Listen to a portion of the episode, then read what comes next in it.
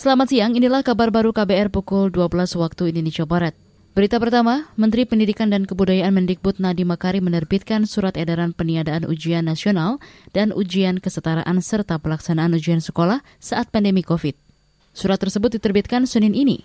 Surat tersebut menyebutkan karena ditiadakannya UN dan ujian kesetaraan, maka tidak lagi menjadi syarat kelulusan atau seleksi masuk ke jenjang pendidikan yang lebih tinggi. Murid dinyatakan lulus setelah menyelesaikan program pembelajaran yang dibuktikan dengan rapor setiap semester.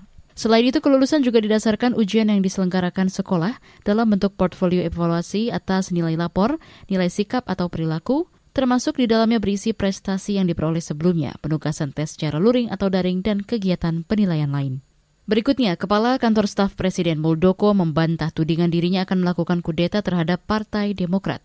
Muldoko kembali menyebut tudingan kepadanya sesuatu yang sekedar lucu-lucuan atau dagelan. Kayak dagelan aja gitu lah. Kayak lucu-lucuan. Muldoko mau kudeta. Ya, kudeta apa nih di kudeta? Anggaplah begini ya. Saya punya pasukan bersenjata nih.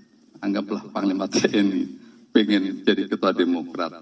Emangnya gue bisa itu gue todong senjata itu para DPC, DPD. Eh datang sini. Gue todongin senjata. Semua kan ada aturan ada ART dalam sebuah partai politik. Jangan lucu-lucuan begitulah. Kepala KSP Muldoko mengakui ada beberapa pertemuan dengan sejumlah anggota Partai Demokrat. Dia menyebut hanya orang luar yang tak punya urusan dengan Partai Demokrat. Selain itu dia menyatakan dirinya tak pernah mengemis jabatan.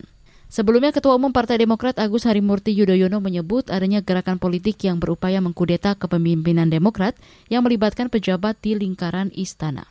Dia tak menyebutkan nama orang yang dimaksud, Berita selanjutnya datang dari Otoritas Kesehatan Brazil, Avinsa, menyetujui penggunaan vaksin COVID-19 yang uji klinisnya dilakukan di luar negeri.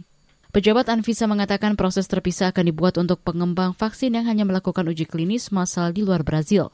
Sebelumnya, hanya vaksin yang melakukan pengujian fase 3 di Brazil yang bisa digunakan untuk penggunaan darurat.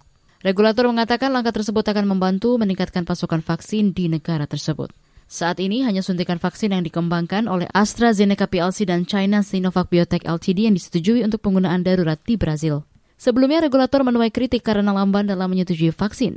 Saat ini kasus COVID di Brazil mencapai lebih 9 juta dengan angka kematian lebih dari 200 ribu jiwa. Demikian kabar baru KBR, saya Naomi Liandra.